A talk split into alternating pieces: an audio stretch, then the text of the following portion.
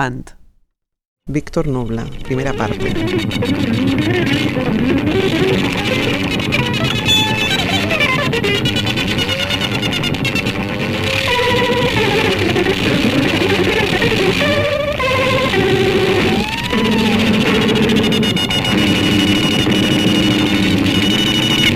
Creo que somos la, la primera generación, la nuestra, que viaja por motivos no políticos, que se interesa por lo de afuera no por motivos políticos necesariamente, sino más bien estéticos, que eh, el franquismo está ya en franca decadencia y se filtra en la televisión y en muchos lugares eh, discos, músicas que, que llaman la atención y que además hay una posición de, de rebeldía muy clara. Mi- mis padrinos se, habían autoexiliado en Andorra y, yo desde niño que iba ahí a pasar los veranos y tal. Yo cuando iba a Andorra descubría cosas que, que eran increíbles y cuando volvía a Barcelona era un lugar gris, con una mentalidad gris, eh, era terrible.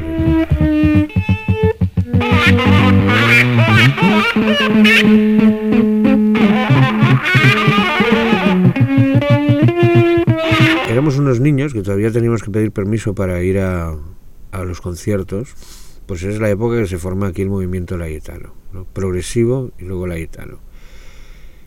Y en un momento dado las dos generaciones se encuentran, ¿no?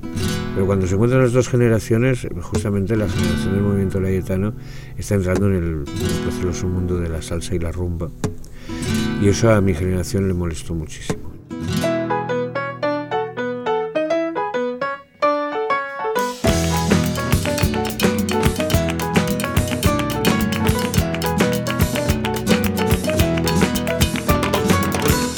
Hay una reacción inmediata. Ya no se trataba de una lucha que aquí hubo contra el franquismo y que se basaba en la libertad, en las libertades de todo tipo, de expresión, de no sé qué, y de conocimiento y tal, sino era una lucha directamente contra la generación anterior, o sea, nos habíamos incorporado al sistema mundial ya, ¿no? Y entonces eh, eso pasaba en el 76, o sea que es punk, para decirlo de alguna forma, es esa posición un momento crucial a nivel mundial, que es el paso de la cultura hippie rural a la cultura urbana punk. Ese retorno a la ciudad es mi generación el que lo protagoniza. Entonces somos los primeros en hacernos un poco con la calle, ¿no? Y con los espacios. Y entonces el sonido es muy radical, muy duro y empieza a ser mecánico y frío y, y maquinal, ¿no? Es como haber soñado con Rusolo, ¿no? Pero sin saber quién era, ¿no?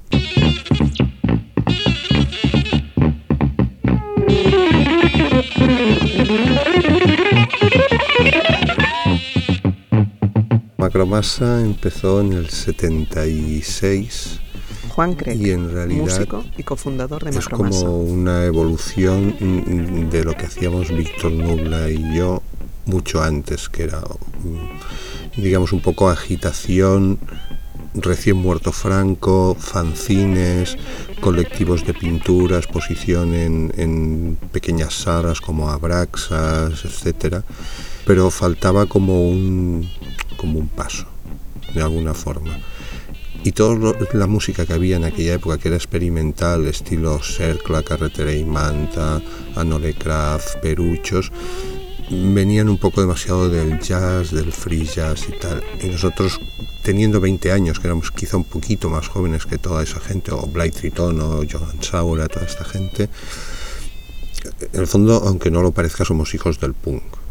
Aquí no se entendía mucho así, pero eh, en ese sentido éramos más rompedores, no músicos que utilizan instrumentos poco musicales como audiogeneradores, sintetizadores de ruido, osciladores, vientos manipulados. O sea, la idea primigenia de Víctor y mía era esa.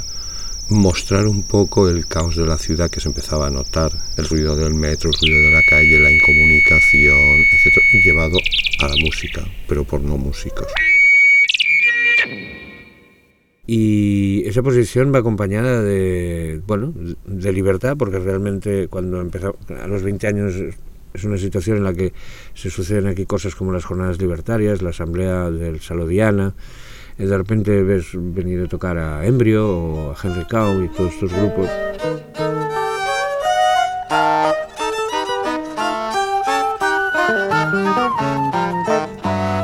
Puedes reunir en la calle que te aparicen. Justo despertábamos eso en un momento mm, cómodo, ¿no? Donde se podía hacer todas esas cosas. Incluso aun siendo carísimos los instrumentos, porque seguían siendo cosas que, de importación, pues ya había gente que se atrevía a hacer un sintetizador, aunque fuera con, con Iron Fix, ¿no? y tablets y componentes de radio.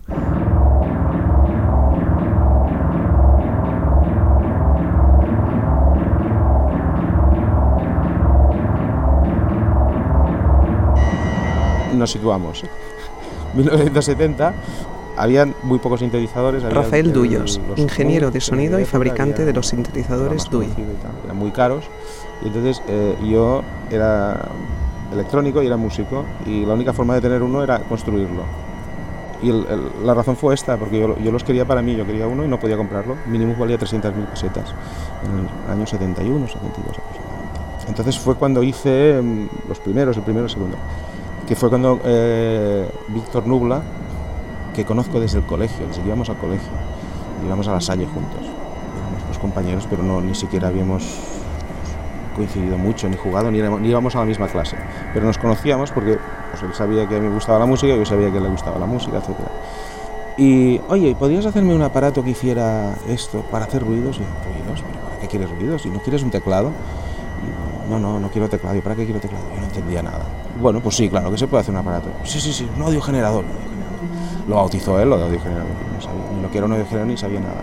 Entonces hice unos cuantos, siguiendo pues sus, sus, sus- sus requerimientos. En primer lugar, pues uno, uno de hacer ruidos, otro, otro lo quiso conectar eh, a- al saxofón y entonces pues hice uno con una entrada de micrófono, etcétera. Y ahora ya ni recuerdo los que hice, pero hice unos cuantos. Para Víctor y para, y para Juan. También he de decir que la música que hacían yo no la entendía. O sea, no entendía ni lo que me pedían, si he de ser sincero. ¿eh? lo he entendido después, eh, eso y muchas otras cosas. ¿eh?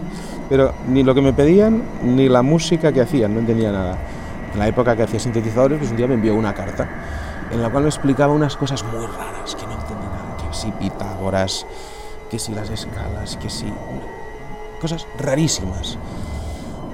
Pero rarísimas cuando las leí en 1970 y pico, que pensé, está loco. No entendía, de verdad, no entendía nada. Más que música es un concepto, es, un, es un mundo. El, Víctor tiene un, un mundo que va más allá del- de la música o del audiovisual incluso. Eh, y para eso nada más hay que leer su, su- prosa, que es, absolutamente original, muy, surrealista. ¿no? Eh, entonces, eh, leyéndolo he entendido más con el tiempo, o hace relativamente poco, los últimos años, he entendido la música que hacía entonces y la música que hace ahora, ¿no? porque entiendes que está dentro de, de una filosofía más amplia. ¿no? Eso va acompañado de, una- de un posicionamiento, además, de, de- producir panfletos, de, autoedición. El, disco el primer disco de Macromasa fue- lo autoproducimos. De hecho, dicen que es el primero de España. ¿no? Al poder vivir sin trabajar, era todo muy barato, compartir piso mucha gente, pues se forma toda una bohemia y todo un ambiente en el cual todo es más o menos posible. Editar cosas con un amigo que tiene una imprenta, eh, fabricar un disco en las, fábricas de discos oiga, me fabrica un disco y te lo fabricaban, ¿no? Y la conexión con el extranjero, empezar a conectar con gente que dice, hostia, tienes que hablar con este. Nosotros cuando descubrimos la gente de Montpellier, que era Eratius Music Corporation y Pascal, que se estaban autoproduciendo discos, pues flipamos, porque no sabíamos ni siquiera que eso era posible, pero lo captamos en un día o dos, ¿eh? o sea, rápidamente hicimos el primero.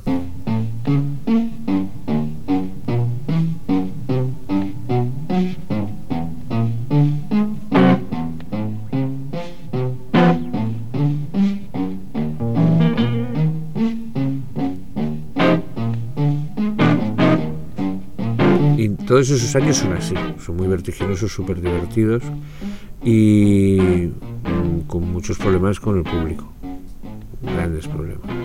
O sea, de hecho, en el single de Macromasa, en el primero, que, que es un, son dos cortes, dos caras, es, los últimos ocho minutos del concierto de Magic, este histórico del 76.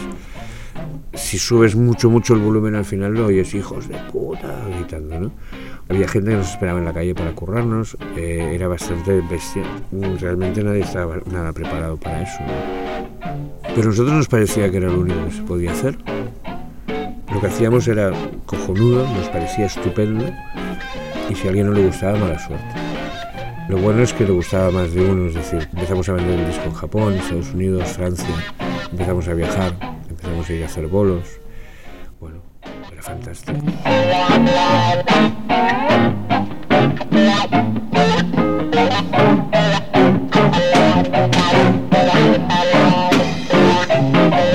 La transición no fue una pequeña ventana para la contracultura, sino que fue el detonante para que existiera una verdadera contracultura. Luego se endureció y ahora es imposible. Es decir, creo que ni con el franquismo ni con ahora puede, ni ahora puede existir la contracultura. Solo fue posible aquellos tres años o cuatro. Hasta que murió Franco hay una pequeña apertura, poco a poco, que genera pues que pueda existir, yo qué sé, los máquinas, ¿vale?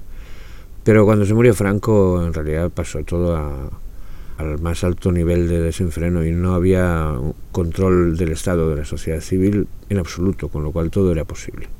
Pero también tengo que decirte que, que era muy fácil vivir sin trabajar, también era muy fácil estar todo el día con sarna o con ladillas y que también era muy fácil que no te pudieras comprar un pedal porque no lo tenían en la tienda. Es más, eh, era difícil encontrar tiendas de música. Mm, discos era imposible y todos teníamos una educación tremendamente dura que nos hizo evolucionar de una forma también dura y radical. Pero en cuanto a poder hacer cualquier cosa, justamente en esos cuatro años, eso era... Hacer lo que quisieras.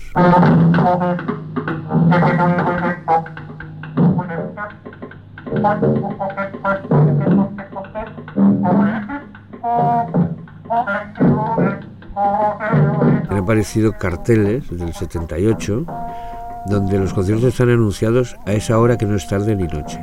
Haces eso ahora y la gente se vuelve loca, ¿no? O sea que era todo bastante free. Por eso locales como la Orquídea, por ejemplo, eran puntos de encuentro de muchísima gente donde podía pasar de todo. Había redadas también, ¿no? Pero podía pasar cualquier cosa.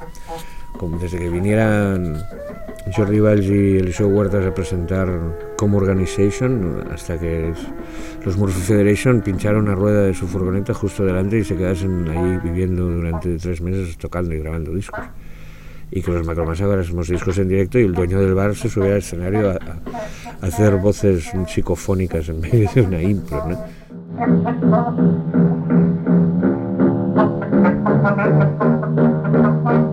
Hasta el año 78, lo que llegaba aquí que podías flipar era Zappa o Mahavishnu Orquestra o esto, ¿no? Grupos progresivos. Mm, no había nada más. En el 78, cuando salió el Dardia Microtónica y establecimos contacto entre el 78 y el 80 con toda la red esta internacional de gente, empezamos a intercambiar de golpe, nos encontramos en un mundo en el que no sabíamos que existía. Es decir, nosotros mandábamos discos a Ralph Records y nos contestaban los Residents. Nos ha gustado mucho el mandamos el nuestro, ¿vale? Y nos mandaban el segundo disco de los Residents. Con toda la gente de Inglaterra, con Lemon Kittens, con Metabolist, con Nurse with Bound, con toda esta gente, todo empezó, te mando un disco, yo te mando el mío y tal. Luego con Pascal lo mismo. Euh, j'ai connu le Victor Noblat à la ville de Montpellier. Pascal Comelade, músico. Sud de France. À ce moment-là, on était tous dans, une, dans un monde musical très lié à une espèce de primitivisme électronique. C'est-à-dire, on venait tous d'une culture rock'n'roll, pas d'une culture histoire de la musique contemporaine occidentale du XXe siècle. Ça, il ne faut pas l'oublier. C'est-à-dire cette vision, cette pratique de la musique électronique ou de la musique, euh, euh, toutes ces musiques-là, nous les avons produites et fabriquées et distribuées et véhiculées dans un monde qui est plus proche de celui du rock and roll que celui de, de la musique classique euh, moderne, normale. Ça, c'est très important. Après, nous arrivons à une époque très spéciale, c'est-à-dire avant le punk ou après le punk. Notre, notre période de, de, de production, ça a été à ce moment-là. C'est quelque chose qui n'existe plus, mais si Victor ou moi, on existe encore aujourd'hui, c'est grâce à cette époque-là. À ce moment-là, euh, il y a quelque chose qui, n'existe plus aujourd'hui. C'est tout un réseau, toute une connexion quasi mondiale, obscure, d'une sorte de underground culturel qui est ultra chaotique et ultra labyrinthique. C'est une époque qui est très forte pour l'autoproduction, les, ramifications, les connexions, le labyrinthe musical. Et nous sommes, Victor et moi, de cette époque-là. Voilà. Et aujourd'hui, ce qu'il faut voir, et Victor, je peux le dire pour Victor, Victor continue à produire, à parler, à exister euh, de la même façon. Et, ce, ce, qui est, ce sublime, c'est qu'il continue donc à, très bien exister de cette façon-là. C'est très difficile aujourd'hui, c'est de plus en plus difficile, mais euh, l'histoire prouve que depuis 30 ans, Victor Noubla est une personne qui est toujours là et qui certainement, lui, peut-être même des fois à lui tout seul, porte l'histoire de la musique, de ces musiques-là obscures, si on veut. On peut considérer ça comme l'underground ou obscur. Pour nous, non, c'est quelque chose de complètement officiel, puisque c'est la musique de notre vie normale. Donc il n'est pas question de marginalité ou d'underground ou de monde parallèle. C'est pas vrai. C'est notre vie normale, cette musique-là, et cette façon de la produire. C'est la normalité.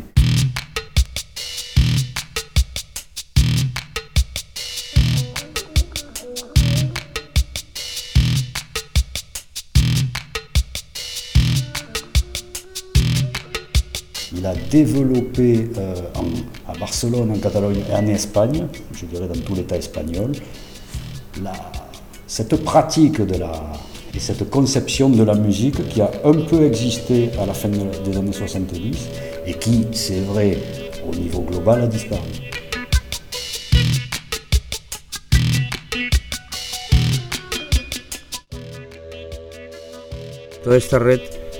Claro, nosotros nos abrió una puerta gigantesca, ¿no? En el año 80 ya estábamos yendo a tocar al Festival de Reims. Fuimos al primer festival de rock in opposition y entramos en la red Río. Fuimos el único grupo español que entró en la red Río. Con lo cual eso se potenció a mil. Y ya no nos hemos bajado nunca de ahí. Es decir, luego es cuando nació todo el, circuito o la red de cassettes autoproducidas en todo el mundo y nosotros ya estábamos ahí. Con lo cual nos introdujimos en ella igualmente. Entonces incorporó mucha gente española. Fue ese momento. Cuando es Fender Geométrico, Rafael Flores, Paco López. Ahí es cuando los conocimos. Es curioso pensar que nosotros conocimos a los de Madrid y a los andaluces básicamente a través de la red internacional. Es un poco similar a lo que ha pasado con Internet, solo que con el soporte del MailArt, del correo tradicional, pero llega un momento en que mucha gente que está en el mismo país pero no se conoce se puede conocer a través de los contactos que tiene en otro país. Eso, eso en España era único, era la primera vez que pasaba. Eso explicaba un poco que íbamos abriéndonos al mundo, ¿no? Y esa, esa red fue muy, muy fructífera, porque el cassette es un medio muy práctico y muy barato, ¿no? Los primeros estudios electrodomésticos son los, los de toda esta gente, los nuestros, todos estos amigos, ¿no? Es decir, que todo ese periodo, hasta el 78, te puedo asegurar,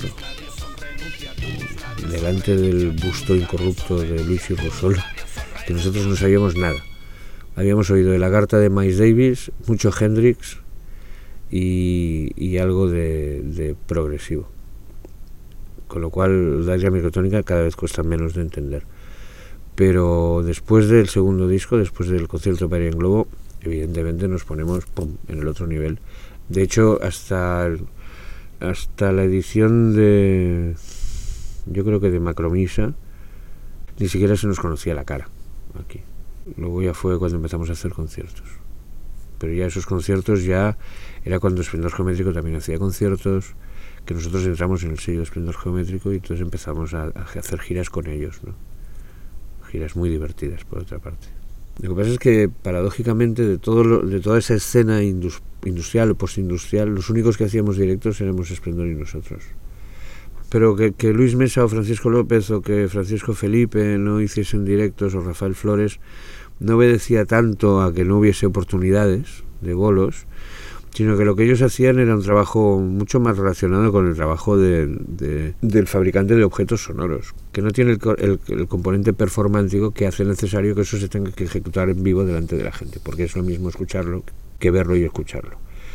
Entonces no tenía el menor sentido, además había toda esa actitud de toda esta generación de ocultismo que corresponde a ese, a ese pan postindustrial, ¿no? de cambiarse los nombres, de que tu cara no se vea jamás, mucho menos vas a salir a hacer una performance tocando, haciendo, tocando un cassette. ¿no? En cambio, Macromasa y Esplendor tenía un punto más performático, bastante más, más escénico. Los directos eran muy distintos de los discos, vaya.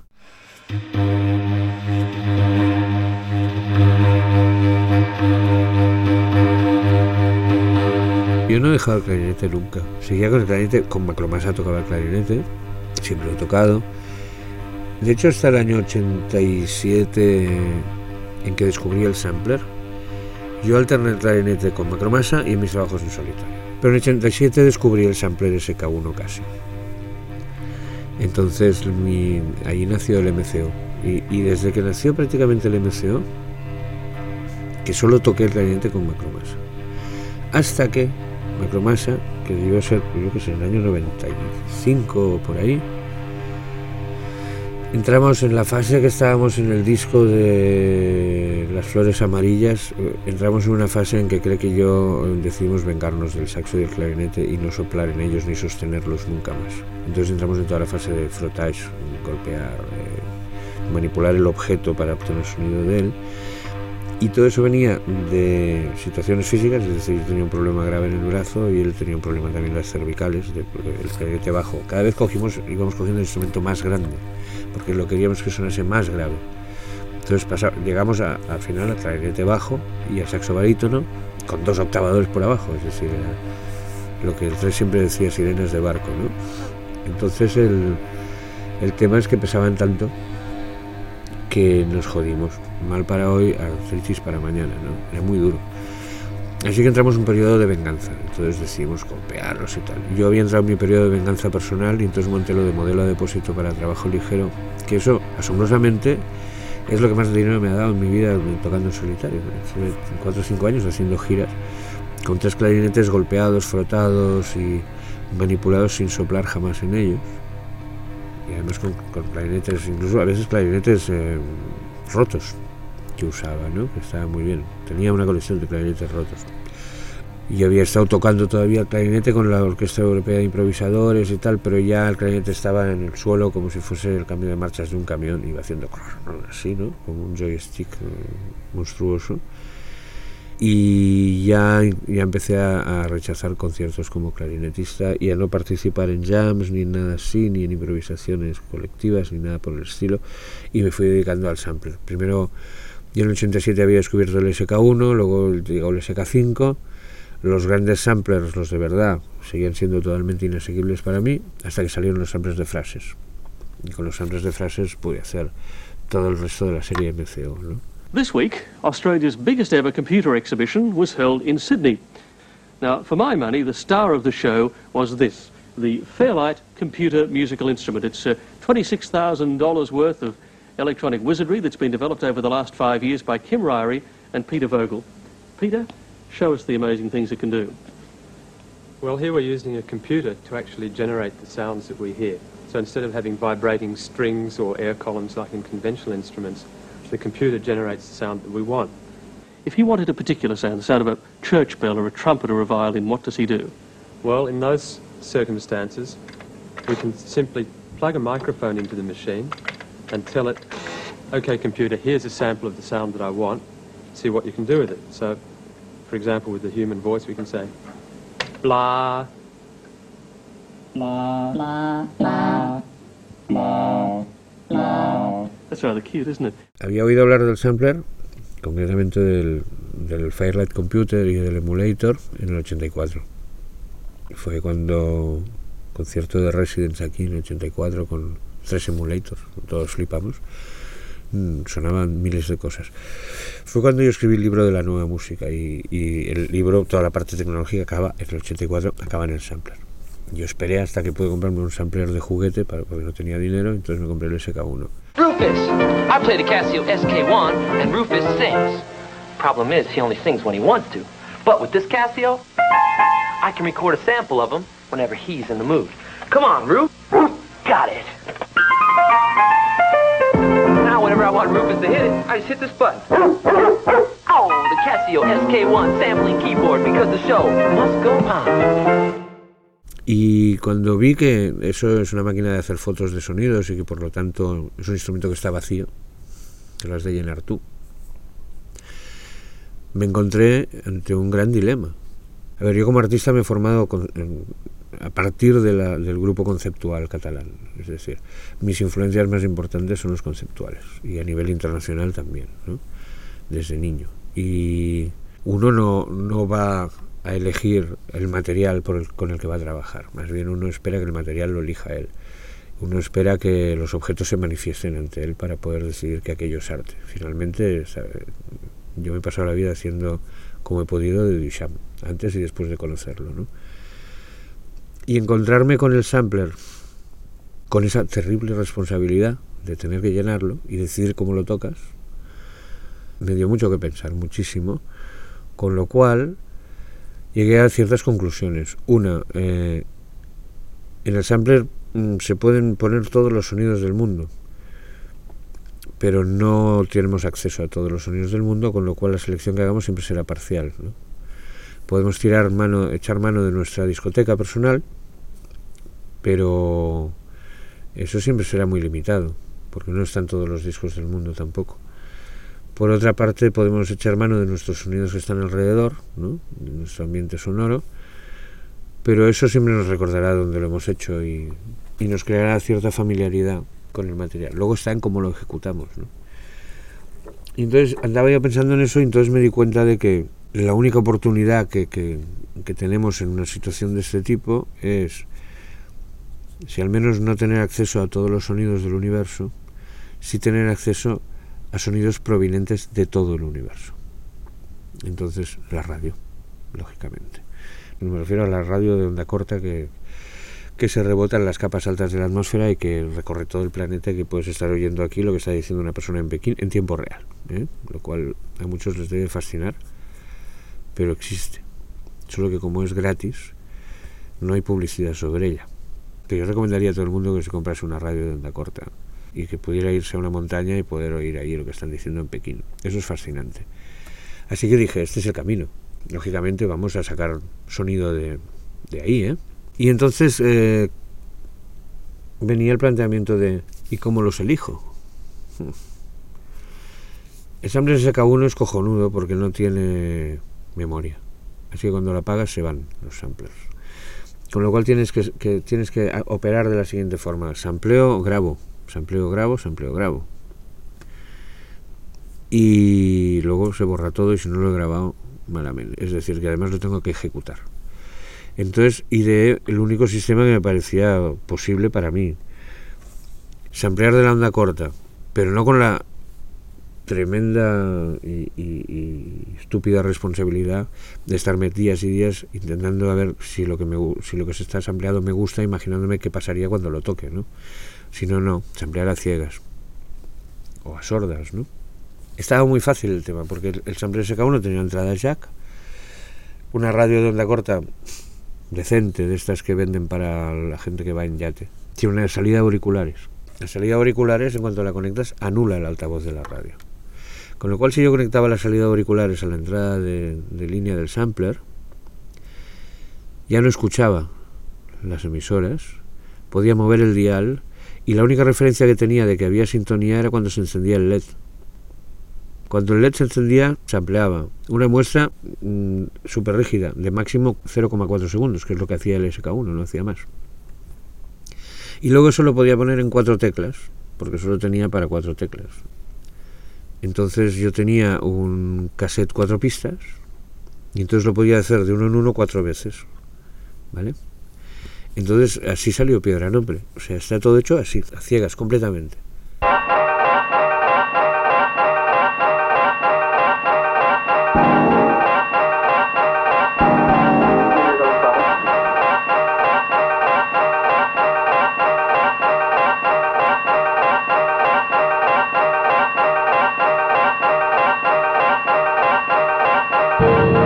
Entonces ahí nació el MCO, método de composición objetiva. De hecho, es una reflexión sobre el azar y la necesidad y sobre la exactitud de todo, lo encontrado. Eh, mm, filosóficamente lo conecto mucho con la, con la filosofía de la filosofía que subyace en un relato de Borges que se llama Tron Ugbar Orbis Tertius, por eso mi sello se llama Chronir, los, Chron, los son esos objetos deseados que uno encuentra en lugar del que se ha perdido, etcétera, etcétera. Y por otra parte, eh, también, eh, mm, poco a poco he ido viendo que conecta con, un montón de tendencias dentro de la música contemporánea y electroacústica hacia el uso del azar y la aleatoriedad y tal. cuando empecé a utilizar el sampler, mm, empezaron a aparecerme mil posibilidades para hacer música para danza, para teatro, para el cine. Es un instrumento que va muy bien para eso, pero que te pone muy mala situación con los coreógrafos y los directores, porque no les puedes explicar que lo has hecho al azar, entonces se mosquean.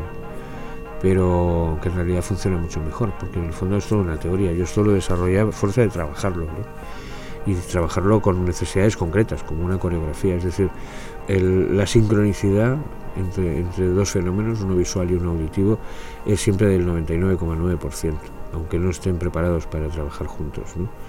Es decir, que cualquier imagen que pase acompañada de cualquier sonido para nosotros tiene la certeza de que está sucediendo al mismo tiempo y provienen del mismo lugar. Con lo cual, eh, la teoría del MCO es esa, ¿no? y, es aplicable tanto en el uso del sampler como en el uso mismo de la música que ha de hacer un compositor eh, cuando trabaja al servicio de otras disciplinas. Con el MCO trabajé con Xavier Manubens en bien bien una veintena de instalaciones, que fue muy potente, siempre funcionó muy bien. Pero el nombre, el nombre se lo puso Antonio Ignorán. Fui a presentar el método en, en el IDEP, que lo dirigía Julián Álvarez en aquella época, y era para estudiantes de audiovisual, gente que quería ser sobre todo, quería hacer vídeo y tal, ¿no? Y fuimos hablando de todas las maneras en que se puede poner sonido a una imagen y había preparado una trampa, que es que entre el rack de, aparatos que había allí había uno que era un sintonizador de televisión, perdón, de radio. Y el monitor donde estábamos proyectando vídeos con los ejemplos también estaba conectado a la antena. Es decir, que en un momento con los dos mandos, sin que nadie se enterase, apretamos a la vez la tele un canal al azar y la radio un emisor al azar. Y siempre me acordaré que empezó a sonar música house mientras se veía a Hitler bailando vestido de tiroles en una fiesta, ¿no? Con lo cual quedó acojonantemente bien, ¿no? Y entonces todos se quedaron, hostia, ¿y esto qué método es? Y entonces el ignorante dijo, esto es el método de composición objetiva, porque en realidad esto está pasando de verdad ahora, no lo, estamos, no lo habíamos preparado, ¿no? Yo seguí trabajando con el MCO, he seguido trabajando y hasta completar esos 10 discos más dos menos, oficiales, los que he hecho solo, en colaboración con, con Robin Story, por ejemplo, con Rapun, en colaboración también pues, con Paco, con con Casper Toples, con todos estos he trabajado mucho con, con el MCO. Pero luego también, por ejemplo, en la posibilidad de, de llevar esto al pop. ¿no? Y entonces hicimos dedo con Io Casino. El tiempo se encoge y pasa deprisa. La luz se expande. Pues el primer disco era básicamente eso, loops de sampleados al azar y voces con letras. ¿no? En el segundo entró Pau Torres, entonces la cosa se, se amplió, y Guillermo Atún también más cantantes, yo dejo el grupo. Entonces hicimos la tercera parte de Dedo, en la cual hay MCO puro, además muy bestia, con masas de orquestas y sonidos muy potentes, voz con letras, con Angélica Sánchez, y clarinetes otra vez. Entonces ahí es donde junté las tres cosas. Es lo que ha vivido el MCO, no ha dado mucho más de sí. Bueno, es muchísimo, ¿eh? han sido 10 años de MCO, 12 discos, la música de una obra de teatro de Fernando Arrabal, que también hice con esto, montones de coreografías para Anónima Imperial, para Vianans, para pelis, para el Balagueró, para Isaac y la Cuesta, todo es MCO, siempre. ¿eh? Y ahora creo que se ha acabado el MCO.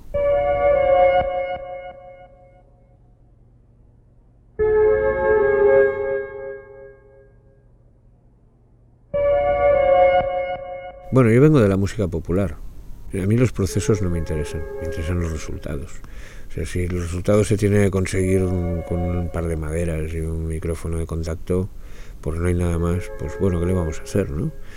Como dice Jones Barber, el uso catastrófico de las más inocuas tecnologías es una de mis especialidades, pero básicamente porque me he criado en, una situación en la que todo era bastante inocuo y yo no tenía una necesidad importante de darle un uso catastrófico.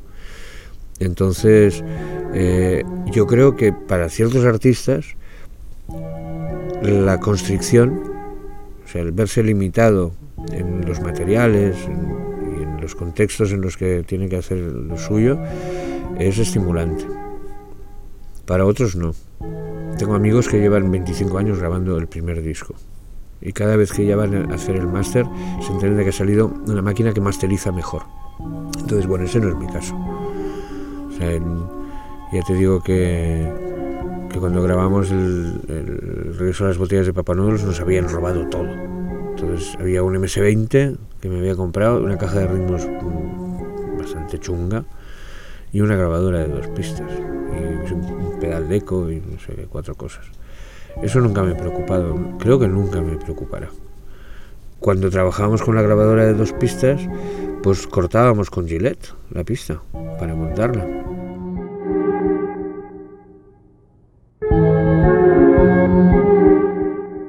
Yo empecé en la música improvisando. De hecho, yo nunca me he aprendido de pequeño ni las canciones infantiles. O sea, cuenta mi familia que cuando tenía seis años yo decía que cantaba en inglés.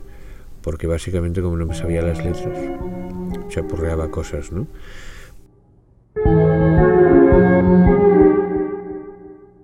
Yo escribo desde niño. Es lo primero que hice. Bueno, de hecho, lo primero que hice, según dicen, fue dibujar.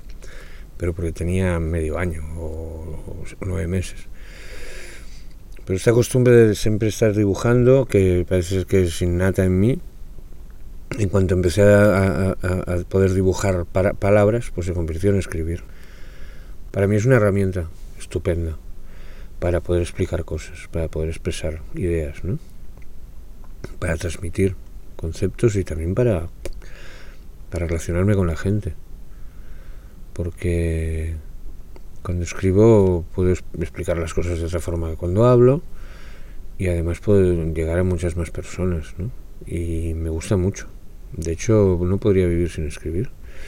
Y publico desde siempre también, desde, desde los, no sé, 18 años ya hacíamos fanzines, que no se llamaban así, claro y hacíamos mil cosas y con ya con Macromas en el 76 empezamos a publicar todo tipo de cancioneros y laberintos con palabras y bueno y una novela que hicimos a la mañana siguiente descendieron la escalera cubierta de hiedra y abandonaron la embajada de Gorgago. Una llamada del centro de detección de topos les había levantado muy pronto y un vehículo de desayuno les aguardaba con impaciencia. La camarera les habló mientras servía té muy cargado de la llegada de un comunicado urgente, advirtiendo que iban a posicionarse algunos topos pardos irregulares, un tipo de animal volcánico extremadamente sociable que visita Alfa 5 procedente del sistema Nodulus, solo en días azules y en forma de familias enteras. Para nosotros era una solución muy clara autoproducir un disco, igual que era una solución muy clara autopublicar un libro y, un, y autobuscarse los bolos, ¿no? Eso es acción directa. Entonces, esa, militancia en el do it yourself y en no esperes que, te, tener un representante para que te haga las cosas, ¿no? Eso se aplica tanto para los grupos, y el representante se llamaría manager, como para la vida normal, y el representante se llamaría político. Eso mm, llevó a Macromasa a no solo ser un grupo de música, sino a publicar, a montar un sello de discos, a sacar revistas, a organizar ciclos, a relacionarse con otros colectivos. Macromasa llegó a ser un colectivo en realidad y entre los 70 y los 90 a comunicarse con todos los colectivos más o menos autónomos, desde los dibujantes de cómic de los 70 hasta los, los colectivos de, del 92 de Salvat Júpiter, que estaba Barcelona Taller y la 12 Visual, y ahí estaban algunos ilustres conocidos de todos, ¿no? como Oscar Abril Caso y Rosa Pera y todos.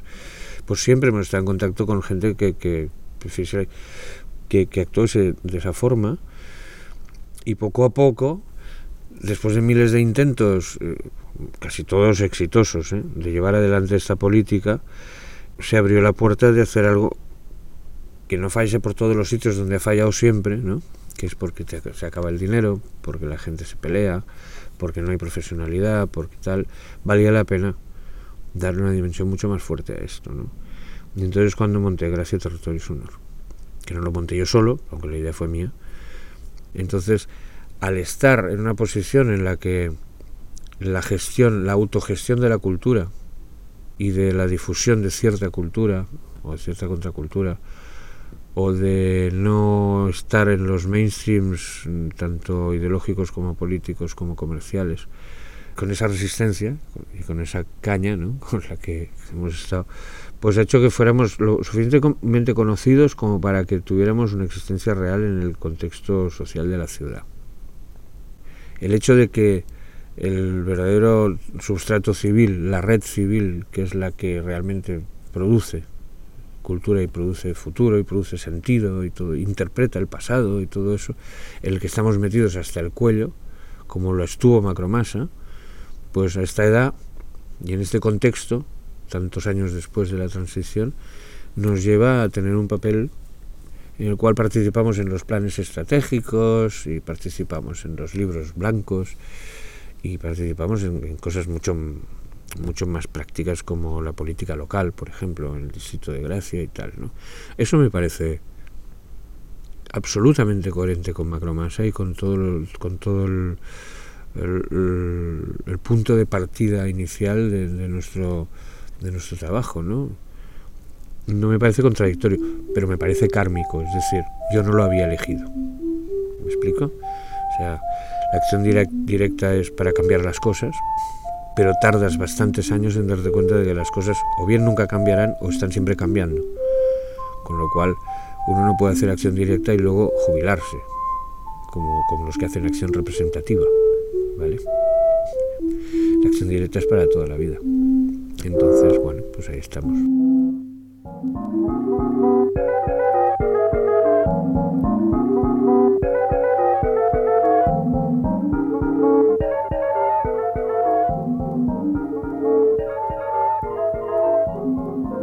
Hubo muchos, algunos años en los cuales todo el mundo me presentaba como gestor cultural, activista, incitador, no sé cuántos. Eh, y, hombre, la verdad sí, pero lo que me extraña es que los demás no lo sean, con lo cual tampoco, tampoco estarme una hora hablando de eso. Más bien me gustaría que la gente leyera mis libros, escuchara mis discos y entonces entendería exactamente por qué hago lo de la gestión cultural que creo que es una posición bastante más seria que la de dinamizar eh, una sociedad extremadamente dinamizada como la nuestra, tan dinámica.